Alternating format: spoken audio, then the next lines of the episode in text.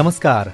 Hello सांसदमा तपाईँलाई हार्दिक स्वागत छ। म राजन रुचाल आज हामी हेलो सांसदमा महोत्तरी दुईबाट निर्वाचित सांसद शरद सिंह भण्डारीसँग कुराकानी गर्दैछौँ। यहाँलाई स्वागत छ सिआइएनमा धन्यवाद। कतिको गइरहनु भएको छ आफ्नो निर्वाचन क्षेत्र? भर्खरै निर्वाचित हुनुभयो। म भर्खर आएको छु। म अस्ति संसदको बैठकको दिन नै आएको थिएँ त्यहाँनिर म चाहिँ नि वास्तवमा विगतभन्दा अलि बढी नै अहिले चाहिँ बढी नजिक नै म आफ्नो क्षेत्रमा गइराखेको हुन्छु। यसपटक चुनाव जित्नको लागि अलि बढी पापड बेल्नु पर्या भएर अथवा जनमत चाहिँ अर्कोतिर जान्छ कि भन्ने चिन्ताले यसपटक अलिकति बढी पिरोलेको भएर जनताको बिचमा गइरहनु पर्छ भन्ने कुरा त्यो चेत आएर जानुभएको हो कि अरू केही? म विगतमा पनि त्यही क्षेत्रबाट निर्वाचित भएको थिएँ र निरन्तर म जनताको बिचमै भएको हुनाले चाहिँ यसपटक पनि मैले चाहिँ त्यहाँ निर्वाचित भएको हुँ। मेरो विश्वास के छ भने जनतासँग निरन्तर चाहिँ नि जनतासँगै बसेर उनीहरूसँगै रहने र उनीहरूसँगै चाहिँ निरन्तर सम्पर्कमा रहने उनीहरूको सुख दुःखमा रहने उनीहरूसँगै भावनात्मक हिसाबले उनीहरूसँगै रहने हुन्छ नि पापड बेल्नु पर्ने आवश्यकता छैन। चुनावकै कुरा गर्ने हो भनेदेखि त दुई हजार अडतिस सालदेखि चुनाव लडेको अनुभव तपाईँसँग छ। सही कुरा हो मलाई लाग्छ अहिले यो पार्लिमेन्टमा सबभन्दा लामो चाहिँ नि संसदमा रहेको चाहिँ म नै छु होला त्यो अनुभव चाहिँ मै छु होला चाहिँ त्यहाँ अडतिस सालदेखि अहिले यो मलाई लाग्छ यो नौ चुनाव होला। संसदको रङ चाहिँ यसपटक अलिकति फेरिएको छ किनकि यसपटक नयाँ अनुहारहरू धेरै देखिनु भएको छ। त्यसले संसदको रङ फेरियो अथवा सांसदहरूको अनुहारको नयाँपन फेरियो खास काम गराइ चाहिँ फेरिएन उस्तै छ उही पुरानै ढर्राको भयो भन्ने चाहिँ बाहिर नागरिकको बिचमा कुराकानी भइराखेको सुन्न पाइन्छ। तपाईँलाई चाहिँ के लाग्छ? लामो अनुभवले पनि। भनि नहाल्नु जे कुरा बाहिर चर्चामा आइरहेको छ त्यो हिसाबले त्यति त्यो अवस्थामै पुगिसकेको छ संसद भन्ने चाहिँ होइन। त्यसरी हामीले विश्लेषण गर्ने बेला भइसकेको म चाहिँ छैन नि तपाईँलाई के रिमाइन्ड गर्न चाहन्छु भने।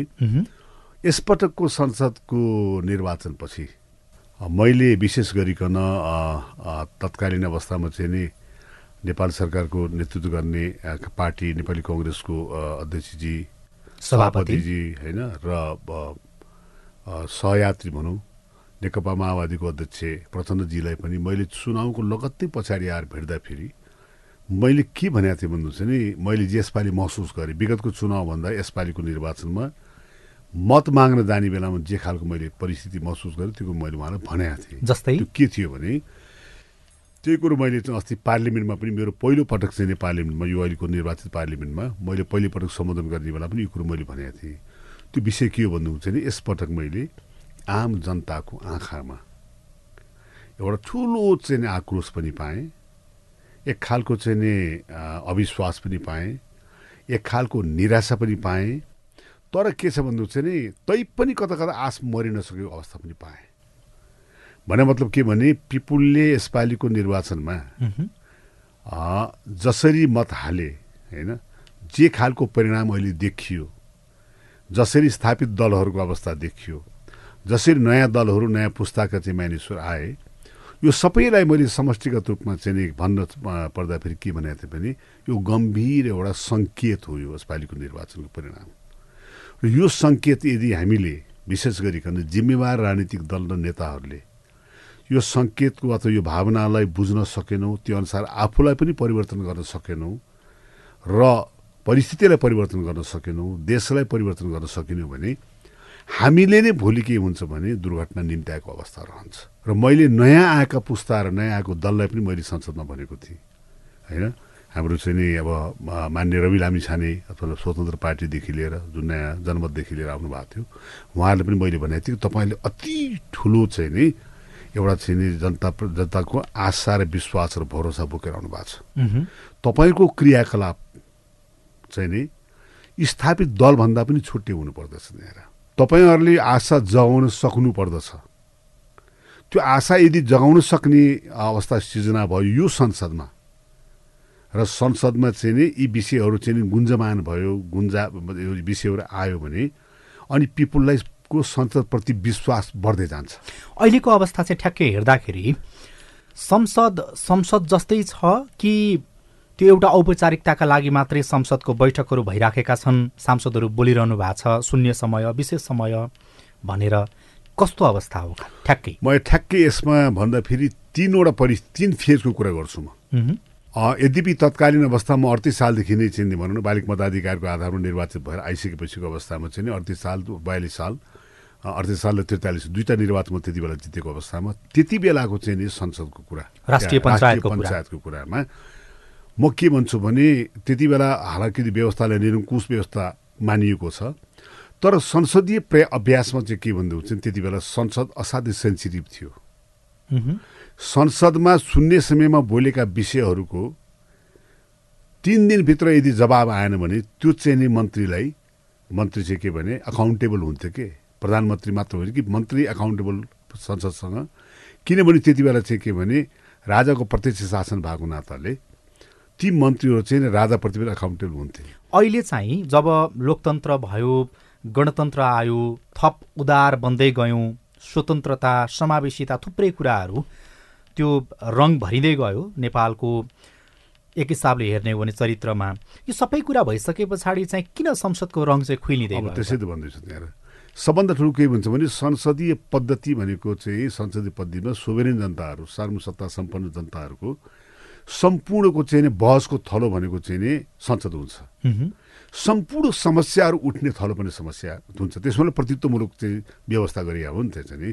त्यो हरेक क्षेत्र वर्ग धर्म लिङ्गदेखि लिएर हरेक समस्या आर्थिक सामाजिक राजनीतिक चेतना सबै चिजको चाहिँ कुराहरू तपाईँको चाहिँ संसदमा आएर ठोकिनु पर्ने बेलामा चाहिँ त्यो किन ठोकिन्छ भने त्यो संसदले जन्माएको सरकार त्यो संसदले जन्माएको सरकारले आफैले जन्माएको त्यो संस्थाप्रति उत्तरदायित्व भएर त्यहाँ उठेका विषयलाई तत्काल सम्बोधन गर्ने भनेको हुनाले यो सिस्टमलाई अगाडि बढाइएको छ अहिले त संसदले सरकार जन्माएको होइन होला। केही नेताहरूले कोठामा बसेर गफ गरेर अब यही हो तपाईँले भनेकै कुराले नै यसको चाहिँ संस्थागत मर्यादाहरू खुलेर गएको। अहिले तपाईँ भने हिसाबमा।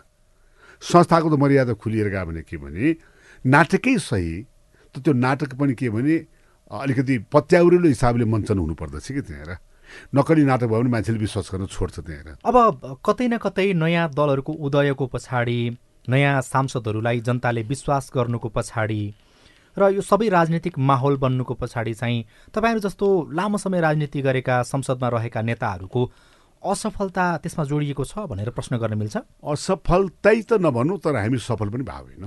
भनेर मैले के भन्नु खोजेँ भने मैले के पनि भनेको छु त्यति बेला भन्नु छ नि। यदि मेरै कुरा अडतिस सालदेखि अहिलेसम्म कुरा गर्ने भन्नु छ नि पोलिटिकल सिस्टम परिवर्तन भयो इलेक्ट्रोनिक सिस्टम परिवर्तन भयो यो सबै परिवर्तन हुँदै जाँदाखेरि पनि यो मुलुक जसले परिवर्तन जसको निम्ति परिवर्तन चाहेको थियो सामाजिक आर्थिक राजनीतिक परिवर्तनहरू छन् त्यहाँ र ती चाहिँ नि जहाँका ती बसिरहेछन् अहिलेसम्म अब केही नयाँ पात्रहरू आए केही नयाँ मानिसहरूको जीवन परिवर्तन भयो केही नयाँ मानिसहरूले मौका पाए भन्ने मात्र कुरा बच्छन् त्यहाँ तर मैले भने के भने हाम्रो गाउँमा रहेका ती सम्पूर्ण दलितहरू मुसर चमार दुसा तत्माहरूको चाहिँ त्यसरीदेखि लिएर विपन्न वर्गहरू चाहिँ चाहे पाहाडमा जहाँसुकै होस् त्यहाँ केही भौतिक निर्माण विकास भए तापनि उनको जीवनमा तात्विक असर चाहिँ नि पर्न सकेन के? त्यसमा चाहिँ शरद सिंह भण्डारी जस्ता नेताहरूको दायित्व बोध जिम्मेवारी चाहिँ कति हो त उनीहरूको जीवन परिवर्तन हुन नसक्नुमा?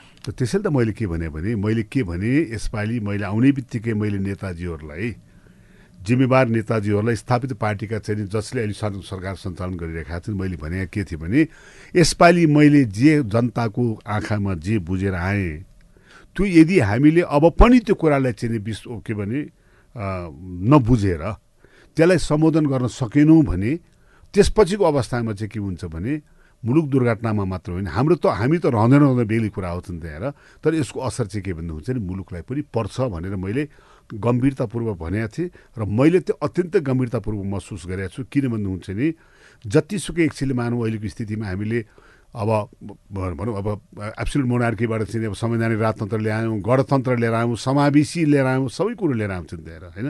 तैपनि के छ भने यसले चाहिँ आम जनताको चाहिँ नि घाँस बाँस कपासमा खासै असर परेको अवस्था चाहिँ नि देखिएको छैन कि त्यसले गर्दा फेरि के छ भने त्यो किन छैन भन्दाखेरि चाहिँ नि बहस धेरै गर्न सकिएला। व्यवस्था बारेमा बहस गर्न सकिएला सम कार्य सम्पादनको बारेमा बहस गर्न सकिएला डेलिभरीको बारेमा बहस गर्न सकिएला एउटा कुरो चाहिँ के हो भन्दा चाहिँ हामीले मान्नुपर्छ कि हामीले हामीले गर्न नसकेकै हो। त्यसो भने अब गर्न सक्नुपर्छ गर्न सकेन भने छोडिदिनुपर्छ। तपाईँले यही कुरा बुझ्न पनि झन्डै चालिस वर्ष लाग्यो होइन? अब लाग्यो मैले त्यो कुरो मान्नु पर्दैन। किनभने हामी इभोल्युसनको प्रोसेसमा गएको छौँ। यहाँ त कस्तो हुन्छ भने परिवर्तन दुईवटा बाटोबाट हुन्छ कि? एउटा तपाईँभन्दा पनि लामो समयदेखि राजनीति गरेकाहरूले जो शीर्ष तहमा छन् अहिले पनि सरकार बनाउने र ढाल्ने जुन प्रोसेस छ त्यसमा उनीहरूको खुल्लम खुल्ला चाहिँ सहभागिता रहन्छ। उनीहरूले अझै बुझेका छैन त्यसैले मैले के भने उनले बुझाए भए यो सरकार ढाल्ने भन्ने हिसाब किताबमा हुँदैन थियो त्यहाँ कि? जस्तो अहिले एकछिन मानौँ न सरसर्ती हामीले हेरौँ न त्यहाँ यो एक त सबभन्दा पहिलो कुरो के भने हामीले जुन इलेक्ट्रोनिक सिस्टम लिएर आएको छ कि निर्वाचन प्रणाली लिएर आएको छौँ त्यो प्रणाली भनेको मिक्स्ड प्रणाली निर्वाचन प्रणाली मिश्रित निर्वाचन प्रणाली। अब मिश्रित निर्वाचन प्रणालीमा चाहिँ प्रत्यक्ष निर्वाचित र चाहिँ समानुपातिक निर्वाचन हिसाबमा हुन्छ। त्यो अवस्था हुँदा फेरि के भने अहिले आएर यो निर्वाचन प्रणालीले कुनै एउटा निश्चित पार्टी होइन एब्सोल्युट मेजोरिटीमा आउन सक्ने अवस्था चाहिँ म त देखिराखेको छैन। मलाई लाग्छ निर्वाचन प्रणाली पनि हामीले बहस गर्न सकिन्छ बहस गर्नुपर्छ। त्यसले गर्दा फेरि हामी कता कता के भने कोलिसनकै हिसाबमा जानुपर्ने अवस्था भइरहेको छ त्यहाँनिर। ठ्याक्कै तपाईँ जब चुनावको बेलामा चाहिँ पुग्नुभयो नि जनताको बिचमा तपाईँले अघि मधेसी दलित समुदायको नाम पनि लिनुभयो। उनीहरूको जीवनमा खास परिवर्तन देखिएको छैन पनि भन्नुभयो। स्वीकार्नु पनि भयो त्यसमा आफ्नो कमजोरी। त्यो सबै कुरा देख्दाखेरि चाहिँ अब संसदमा एउटा सांसदले ती मान्छेहरूको आवाज कसरी बोल्ने हो अथवा उनीहरूको आङमा घाम चाहिँ कसरी लाग्ने हो त नि राज्यको घाम?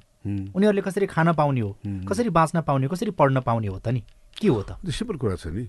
तपाईँ हामीले बनाएको संविधानले जे जे कुराको चाहिँ नि ग्यारेन्टी गरेका छ त्यो त संविधानले ग्यारेन्टी गरे हो नि। हो। हिजोसम्म हामीले के भन्छ नि व्यवस्थाले दोष दियौँ व्यवस्था ठिक छैन भने व्यवस्था अर्को व्यवस्था परिवर्तन गऱ्यौँ गणतन्त्र लिएर आयौँ र लोकतन्त्र लिएर आयौँ लोकतन्त्र पनि के भने लोकतन्त्र केही मानिस बुर्जुवाबारीलाई पनि हो भन्ने हिसाबले गऱ्यौँ। अहिले आएर चाहिँ हामीले के भने समावेशी लोकतन्त्र भन्यौँ। समावेशी नभइकन समानुपातिक समावेशी लोकतन्त्र भन्यौँ त्यहाँबाट गणतन्त्र पनि भन्यौँ। हामी संहिता पनि गयौँ हामी सिंहदरबारलाई तल्ली लिएर जाने पनि गऱ्यौँ।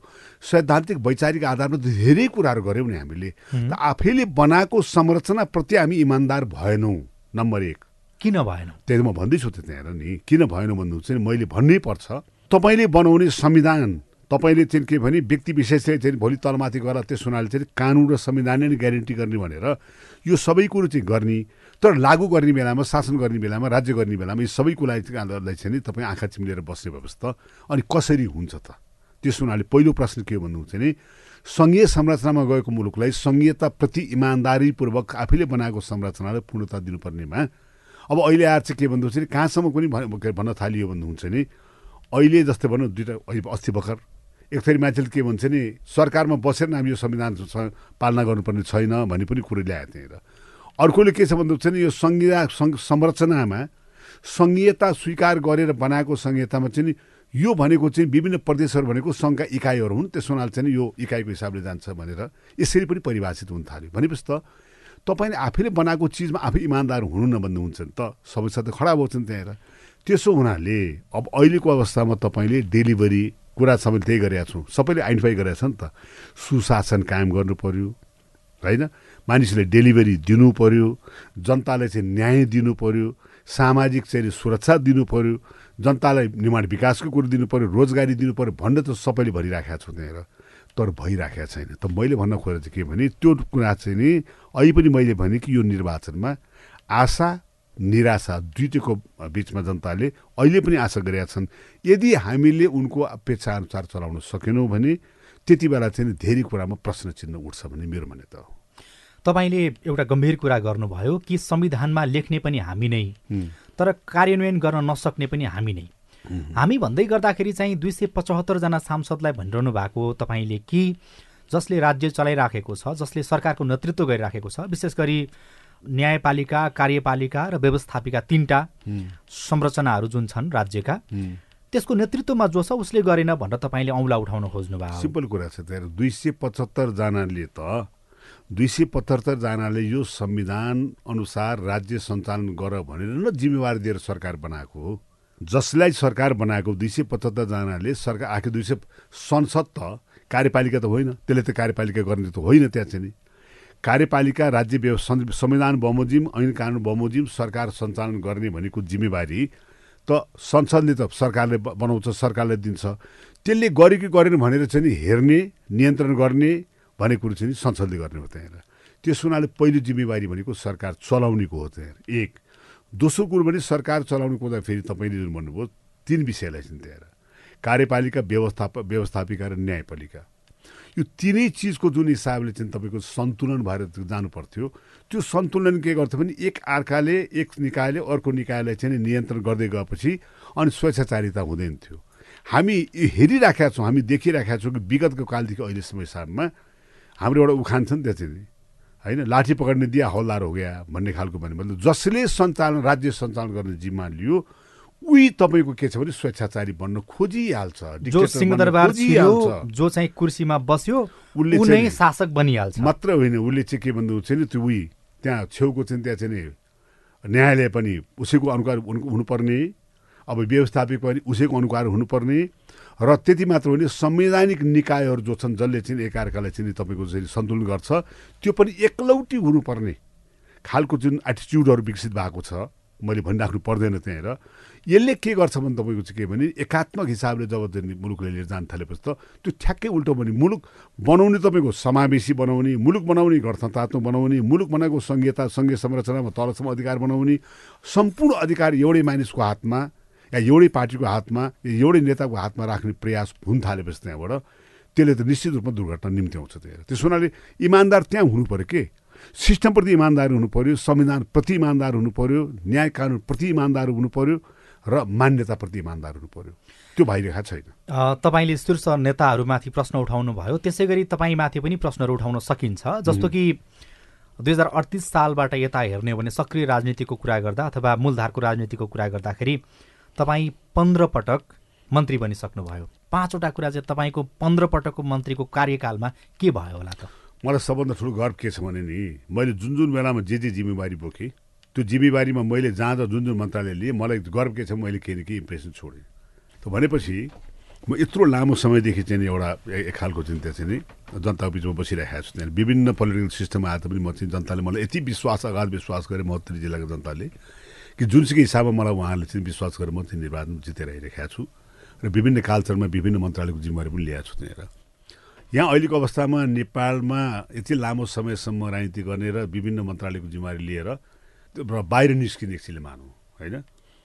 त्यसमा कहीँ पनि अलिकति कुनै चुक काहीँ के भइदिए भए अहिलेसम्म मलाई चाहिँ मलाई लाग्छ स्वाभाविक हो। धेरै तपाईँले यहाँ देखिराख्नु भएको छ त्यो तपाईँ आफैले चाहिँ गाउँ बस्ती डुल्दै गर्दाखेरि जनताको झुपडीमा पुग्दै गर्दाखेरि घर दैलोमा पुग्दै गर्दाखेरि म मन्त्री हुँदाखेरि यति चाहिँ गर्न सकेको भए अथवा म सामान्य नागरिक भएर सोच्दाखेरि चाहिँ आफूले आफैलाई मन्त्रीको रूपमा मूल्याङ्कन गर्दाखेरि मैले गरेको काम ठिकै थियो भनेर त्यो सन्तोषको श्वास फेर्ने त्यो अवस्था पाउनुहुन्छ कि पाउनु एकदम पाउँछु म। के पाउँछु भन्नुहुन्छ हरेक चिजको लिमिटेसन्स हुन्छ।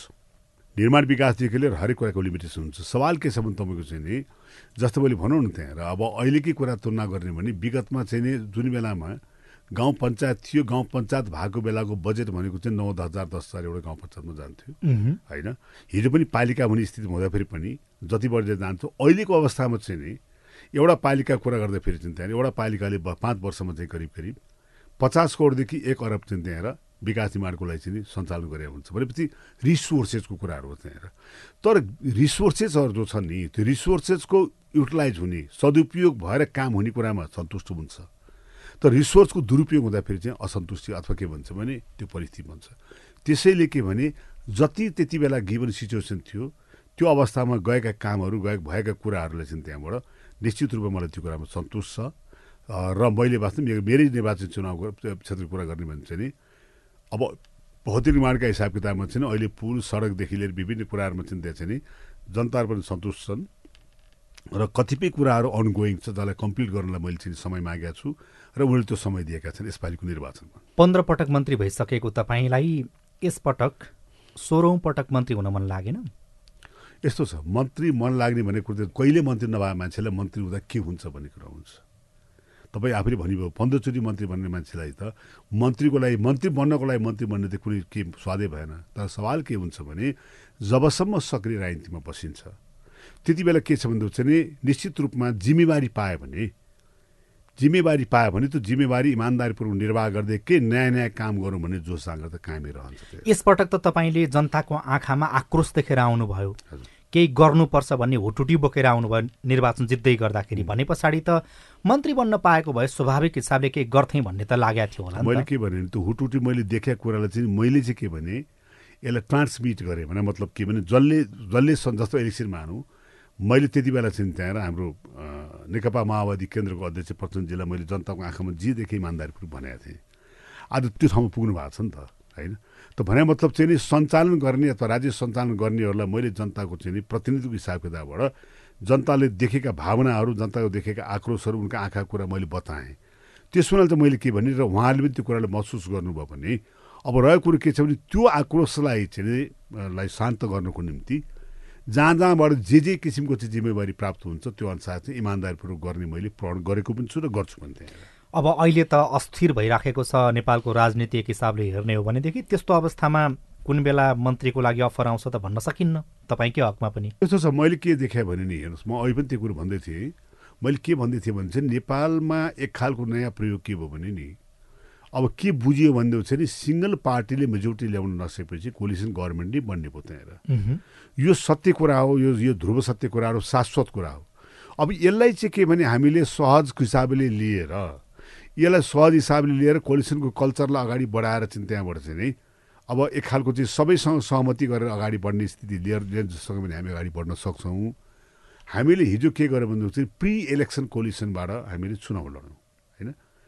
प्रि इलेक्सन कोलिसनको मर्म अथवा त्यसको चाहिँ अर्थ अथवा त्यसको चाहिँ आवश्यकता महत्त्व बारेमा प्रि इलेक्सन कोलिसन बनाउने पार्टनरहरू नै बिर्स्यौँ। नर्मली कोलिसन भनेको चाहिँ चुनाव भइसकेपछि चुनाव भएर आइसकेपछि त्यहाँबाट एउटा दलले सरकार बनाउन सकेन भने मिलेर बनाउने प्रक्रिया हो त्यहाँ त हामी त चुनावमै चाहिँ गयौँ के? एक थरी मान्छे मिलेर चाहिँ गयौँ। हामी पनि त्यो कोलिसनमा गयौँ। त्यो पनि विचार नमिल्ने सिद्धान्त नमिल्ने मिल्नेहरूसँग पनि। तर किन गयो भन्नु चाहिँ नि सिद्धान्त र विचार मिल्नेहरूको बिचमा पनि फेरि सिद्धान्त र विचार मिल्नेहरू नै मिल्न सकेनन् फेरि। सिद्धान्त र विचार मिल्नलाई त मौका दियो भने नेपाली जनताले चिन्ता र त्यस हुनाले चाहिँ विगतमा त बहुमत पनि आएको हो नि। त उनीहरू नै मिल्न नसकेका हुनाले चाहिँ नि एउटा नयाँ परिसृजना भएर गयो। र इमान्दारी कहाँ हुन्थ्यो भने त्यो प्रि इलेक्सन कोलिसनले नै सरकार बनाएको भए एउटा एक खालको स्टेबिलिटी भएर जान्थ्यो त्यही होइन? दुर्भाग्य त्यो हुन सकेन। नहुँदा फेरि अहिले त्यसको कारणले जे खालको एक्सिडेन्टल गभर्मेन्ट बन्यो भन्छ म त्यसलाई एक्सिडेन्टल गभर्मेन्ट भन्छु त्यो बनाइ हुनाले के भन्छ नि अलिकति उसले नेचुरल देखेन कि। त्यसो बन्नदेखि नै अहिले आएर जसरी स्थितिहरू धर्म लिइरहेको छ नि त्यो मलाई लाग्छ त्यो स्वाभाविक जस्तो पनि हो त्यहाँ किनभने एक खालको चाहिँ परिस्थिति बन्दै जाँदाखेरि हठात अर्को परिस्थिति बन्ने बित्तिकै चाहिँ त्यसको केमिस्ट्री मिल्नलाई पनि जुन समय लाग्नुपर्ने हो या त मिलेर जान्छ। राम्रो मिलेर जान सक्छ। म यसलाई फेरि मिलेर जान जाँदैन पनि भन्दिनँ। मिलेन भने फेरि के छ भने कोलाप्स गर्छ त्यहाँ अथवा त्यो बिग्रिन्छ त्यहाँ त मेरो भनाइ के छ भने यो सबै परिस्थिति र देशको अवस्था र देशको स्थितिले गर्दाखेरि मेरो आग्रह चाहिँ नि ठुला नेताहरूलाई ठुला पार्टीहरूलाई के छ भने अहिले पनि सहमतिकै आधारमा अगाडि बढौँ। जसले सरकार चलाए तापनि सहमतिको आधारमा केही मान्यताहरूलाई स्थापित गरौँ। केही मान्यतालाई स्थापित गरौँ। शक्ति सन्तुलनको मान्यतालाई पनि स्थापित गरौँ। जुन किसिमले विभिन्न चाहिँ संवैधानिक निकायहरू भन्छन् त्यहाँ त्यो निकायमा कमसेकम प्रोफेसनल मान्छेहरू चाहिँ आउने व्यवस्था पनि कायम गरौँ। सिस्टमलाई चाहिँ अलिकति स्पेसलाइज गरिदिएपछि त्यहाँबाट चाहिँ नि संस्था गरिदिएपछि अनि त्यसमा भोलि जसले पनि आएर चलाउन सक्ने स्थिति हुन्छ। अहिले त के भने सिस्टम नै भोलिटाइल भयो कि? जसले भेट्टा उसैले भगौँटो हान्ने जस्तो भयो नि त्यहाँ त्यो उनीहरूले अहिले पनि त्यो ठाउँ छ।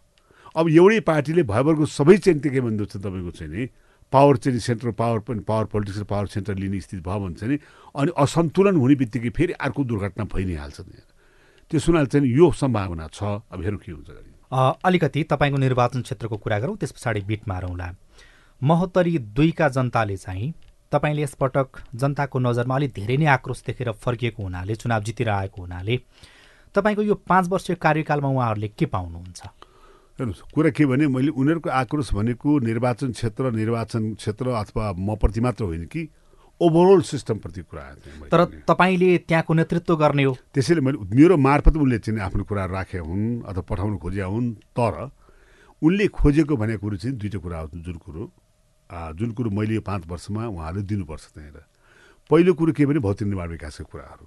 भौतिक निर्माण विकासका कुराहरूमा चाहिँ नि मेरो क्षेत्रमा मेरो क्षेत्र कस्तो छ भने तपाईँको चाहिँ एउटा मुख्य नदी रातो नदी भनेको चाहिँ त्यो दुई नम्बरको महोत्तरी जिल्लाको बिचै बिचबाट चाहिँ उत्तर दक्षिण बग्छ र दुई नम्बरलाई ठ्याक्कै दुई फ्याँक पारेर यहाँ छोलिसिन् त्यहाँ त्यसो हुनाले चाहिँ नि दुई नम्बर क्षेत्रले फेरि के भने दुई नम्बर मात्र होइन कि जिल्लाले फ्याँक पारेको हुनाले त्यो त्योले गर्दा फेरि के भने तपाईँको चाहिँ नि पूर्व पश्चिमको चाहिँ जुन कनेक्टिभिटी छ त्यहाँ त्यो ठुलो समस्या परे हुनाले हामीले विगतमै मैले विगतको निर्वाचन चुनाव जितेपछि त्यहाँबाट करिब बाह्रवटा पुल चाहिँ त्यहाँबाट चाहिँ अहिले निर्माणाधीन छ त्यहाँ त्यो बाह्रवटा पुल निर्माण दिन्छ। त्यहाँ त्यो बाह्रवटा पुल चाहिँ रातो नदीमा र एउटा दुईवटा चाहिँ बिगी नदीमा रातो नदीमा त्यो उत्तर दक्षिणको पुल चाहिँ बाटोले जोड्ने चाहिँ पुल निर्माण दिन्छ।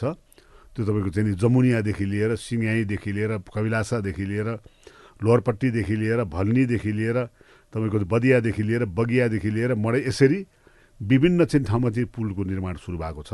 त्यो पुल कम्प्लिट भइदियो भने त्यहाँ चाहिँ अनि त्यसपछि त्यहाँबाट कम्युनिकेसनको चाहिँ सजिलो हुन्छ। त्यसको साथसाथै मेन कुरो के छ भने तपाईँको चाहिँ नि अब इरिगेसन हाम्रो मत्तेरीमा चाहिँ त्यहाँ एरिबीको तिनवटा प्रोजेक्ट अगाडि आइरहेको छ त्यहाँ। त्यसले चाहिँ त्यहाँको इरिगेसनलाई अगाडि बढाउन सक्छ। र मेन कुरो के छ भने चाहिँ रेलवे जो छ अहिले चाहिँ त्यहाँ नेपाल रेलवे जो अहिले जयनगर जनकपुर भएर कुर्था भएर अगाडि जान्छ त्यहाँ चाहिँ त्यो टोटली मेरो क्षेत्र भएर चाहिँ त्यो बर्दिवासमा पुग्ने अवस्था छ त्यहाँनिर र त्यसको चाहिँ के छ भने भङ्गा भन्ने हिसाबसँग अहिले रेलवे पुगिसकेका छ। र त्यहाँदेखि बर्दिवाससम्म चाहिँ रेलवे लाइन जोड्ने कुरा चाहिँ जुन भइरहेको छ त्यहाँनिर त्यसको मुआवजा सुआवजाको चाहिँ भइरहेको छ। त्यसले के गर्छ भन्दा चाहिँ तपाईँको चाहिँ नि हाम्रो त्यो क्षेत्र मात्र होइन कि हाइवेलाई चाहिँ के छ भन्दा चाहिँ हाम्रो हाइवेलाई चाहिँ सिधै चाहिँ इन्डियाको कलकत्तादेखि लिएर ठाउँसम्म जोड्न सक्छ त्यहाँनिर। त्यसले गर्दा फेरि यसपालि चाहिँ हामीले के भने बर्दिवासदेखि लिएर त्यो त्यो बेल्टलाई चाहिँ त्यहाँ बर्दिवासदेखि लिएर भङ्गा दमुनिया जो बेल्ट छ त्यो बेल्टलाई चाहिँ हामीले के भने इन्डस्ट्रियल कोरिडरको रूपमा चाहिँ डेभलप गर्न सक्नुपर्छ भन्ने हिसाबले गरेका छौँ। एउटा जलेश्वर चाहिँ र रौजाको सडक छ त्यहाँ चाहिँ यो दुईवटा सडक र त्यो रेलवे जोड्ने बित्तिकै त्यो होल एरिया तपाईँको चाहिँ ठुलो इन्डस्ट्रियल चाहिँ कोरिडरको रूपमा आउन सक्छ त्यहाँ अगाडि बढ्छ। त्यस हुनाले चाहिँ र विशेष गरी मेरो क्षेत्रमा चाहिँ नि ठुलो त्यहाँ एउटा पनि क्याम्पस छैन र हामी क्याम्पस बनाउने प्रक्रियामा अगाडि बढाएका छौँ त्यहाँ केही बिल्डिङहरू हामीले बनाएको छौँ त्यस हुनाले चाहिँ क्याम्पस अगाडि बढाउने र हरेक स्कुललाई केही न केही टेक्निकल स्कुलको रूपमा चाहिँ डेभलप गर्ने। हामीले अहिले डेभलप गरेका छौँ त्यहाँ बलबा स्कुलमा चाहिँ अब हामीले टेक्निकल एजुकेसन गरेका छौँ। बनौटामा हामीले चाहिँ एउटा नापीको लिएर गएको छौँ। कहीँ हामीले अमिनको चाहिँ गरेका छौँ कहीँ हामी कम्प्युटर गरेर यसरी गरेका छौँ। त्यसो भने एजुकेसनलाई हेल्थलाई र इम्प्लोइमेन्टलाई हामीले जोड दिएका छौँ। र यसपालि सबभन्दा बढी जोड मेरो क्षेत्रमा दिँदाखेरि फिजिकल डेभलपमेन्टको साथसाथै एजुकेसन र हेल्थ क्वालिटीलाई चाहिँ हामी अगाडि बढाउनु खोजेका छौँ। यो चाहिँ पाँच वर्ष कार्यकालमा अब तपाईँ सरकारभन्दा बाहिर भएको कारणले सरकारमा नहुँदाखेरि चाहिँ कतिपय कामहरू गर्न नसकिने अवस्था पनि हुन्छन्। सांसदहरूको हिसाबले हेर्दाखेरि सिंहदरबार जानु पर्यो मन्त्रीलाई रिझाउनु पर्यो बजेट पार्न पर्यो थुप्रै कुराहरू छन्। त्यो तपाईँले जुन सपना देखिरहनु भएको छ नागरिकलाई दिनुपर्छ भनेर त्यो कतिको सम्भव देख्नुहुन्छ मेरो केसमा चाहिँ के छ भने जस्तै अब म लामो समयदेखि चाहिँ नि अब नेपालमा नेपालको राजनीतिमा छु। कर्मचारी तन्त्रमा भनौँ ब्युरोक्रेसीमा पनि। धेरै छ मेरो सम्पर्क पनि छ त्यहाँ चिन्जान पनि सब कुरो छ। र त्यस हुनाले चाहिँ के छ भन्दा चाहिँ नि मलाई मलाई जहाँसम्म लाग्छ चाहिँ मेरो क्षेत्रमा काम गराउनु गराउनुको लागि त्यो मन्त्री हुनु नहुनुसम्म मलाई धेरै फरक पर्ने अवस्था चाहिँ रहँदैन तपाईँले ठ्याक्कै एउटा कुरा जोड्नुभयो भनेको चिन्जान नहुनेहरूलाई अथवा मन्त्री आफ्नो नहुनेहरूलाई कर्मचारीसँग खासै धेरै हिमचिम नहुनेहरूलाई चाहिँ अलिक अप्ठ्यारो छ नेपालको संसद अप्ठ्यारो भन्दा पनि प्रक्रिया बुझ्नुपर्छ कि। विकासका प्रक्रियाहरू जो छन् नि जस्तो नयाँ नयाँ साथीहरू आउँछन् त्यहाँनिर जोस नयाँ खोज लिएर आइरहेका हुन्छन्। तर त्यो त के भाषणले त विकास हुँदैन। मन्त्रीजीको आश्वासन पनि विकास हुँदैन। मन्त्रीको तोक आदेश पनि विकास हुँदैन। विकासको लागि त तपाईँको चाहिँ के छ भन्दा हुन्छ नि यता प्रक्रियाहरू हुन्छ नि। तपाईँले यसपालि बजेट हाल्नुभयो त्यो बजेट हाल्नु चाहिँ के हिसाबले बजेट हाल्नुभयो प्लानिङ कमिसन छ प्लानिङ कमिसनले चाहिँ गर्नुभयो त्यहाँ तपाईँले योजना बनाउने बेलामा चाहिँ ग्रासरुट तलबाट नै तपाईँले के भने त्यो सडकको योजना बनाउनुको लागि त यहाँबाट मन्त्रीजीले एउटा सडक हालिदियो भने हाल्ने अवस्था रहँदैन त्यहाँ किनभने तलबाट नै त्यसको डिपिआर गराएर ल्याएर गएर सडकको आवश्यकता के छ? यो सबै कुराले लिएर आएर चाहिँ तपाईँले चाहिँ प्रक्रिया जुन जुन प्रक्रिया छ त्यो प्रक्रियागत हिसाबले अगाडि बढ्नुभयो भने सबै कुराहरू हुन्छ। त्यो प्रक्रिया नबुझ्ने भएपछि त अब यति वर्ष तपाईँले प्रक्रिया बुझ्नमै घुमिराखेको हुन्छ। अब सिंहदरबार मात्र घुमेर अब मन्त्रीको वरिपरि बसेर चाहिँ नि अब योजना विकास होला भने त कतिपय अवस्थामा त मन्त्रीजीलाई पनि थाहा हुन्न कि कसरी विकास हुन्छ भन्ने कुरो चाहिँ। त्यहाँ हुन्छ त्यहाँ। त्यस हुनाले चाहिँ नि एउटा एउटा सत्य कुरा के नेपालमा के हो भन्दा हुन्छ नि नेपालमा एउटा कुरा हामीले बुझ्ने कुरा के भने नेपालमा त्यसरी म बेला बेला भन्छु कि वर्ग सङ्घर्ष हुँदैन। किनभने एउटै चाहिँ भनौँ त्यहाँ चाहिँ नि होइन मध्यमवर्गीय भनौँ अथवा चाहिँ त्यहाँ निम्न मध्यमवर्गीय भनौँ त्यो त्यही नै अहिले राज्यको चाहिँ नि सञ्चालनको मुख्य फेरि फेरिमा रहन्छ त्यहाँनिर। तपाईँ इमान्दारीपूर्वक काम गर्ने छ भनेपछि तपाईँले सहयोग गर्ने मान्छे धेरै हुन्छन्। फटाइ गर्ने अब जाली गर्ने अब तपाईँ बदमासी गर्ने अब लगको पैसा खाइदिने भन्ने कुरा भयो भने नि अनि त्यसपछि फेरि त्यो फेरि लुकेर लुक्दैन कि? सानो ठाउँ छ त्यसो सबैले सबै थाहा भइरहेको हुन्छ। ठिक छ तपाईँको सार्वजनिक सम्बन्धलाई चाहिँ सदुपयोग गर्दै तपाईँको निर्वाचन क्षेत्रको विकासको लागि आफ्नो समय खर्चिनु होला हाम्रो शुभकामना छ। धेरै धेरै धन्यवाद। यो सँगै हेलो सांसदको समय सकिएको छ। प्राविधिक साथी सुभाष पन्तसँगै म राजन रुचाल पनि बिदा हुन्छु। हवस् त नमस्ते।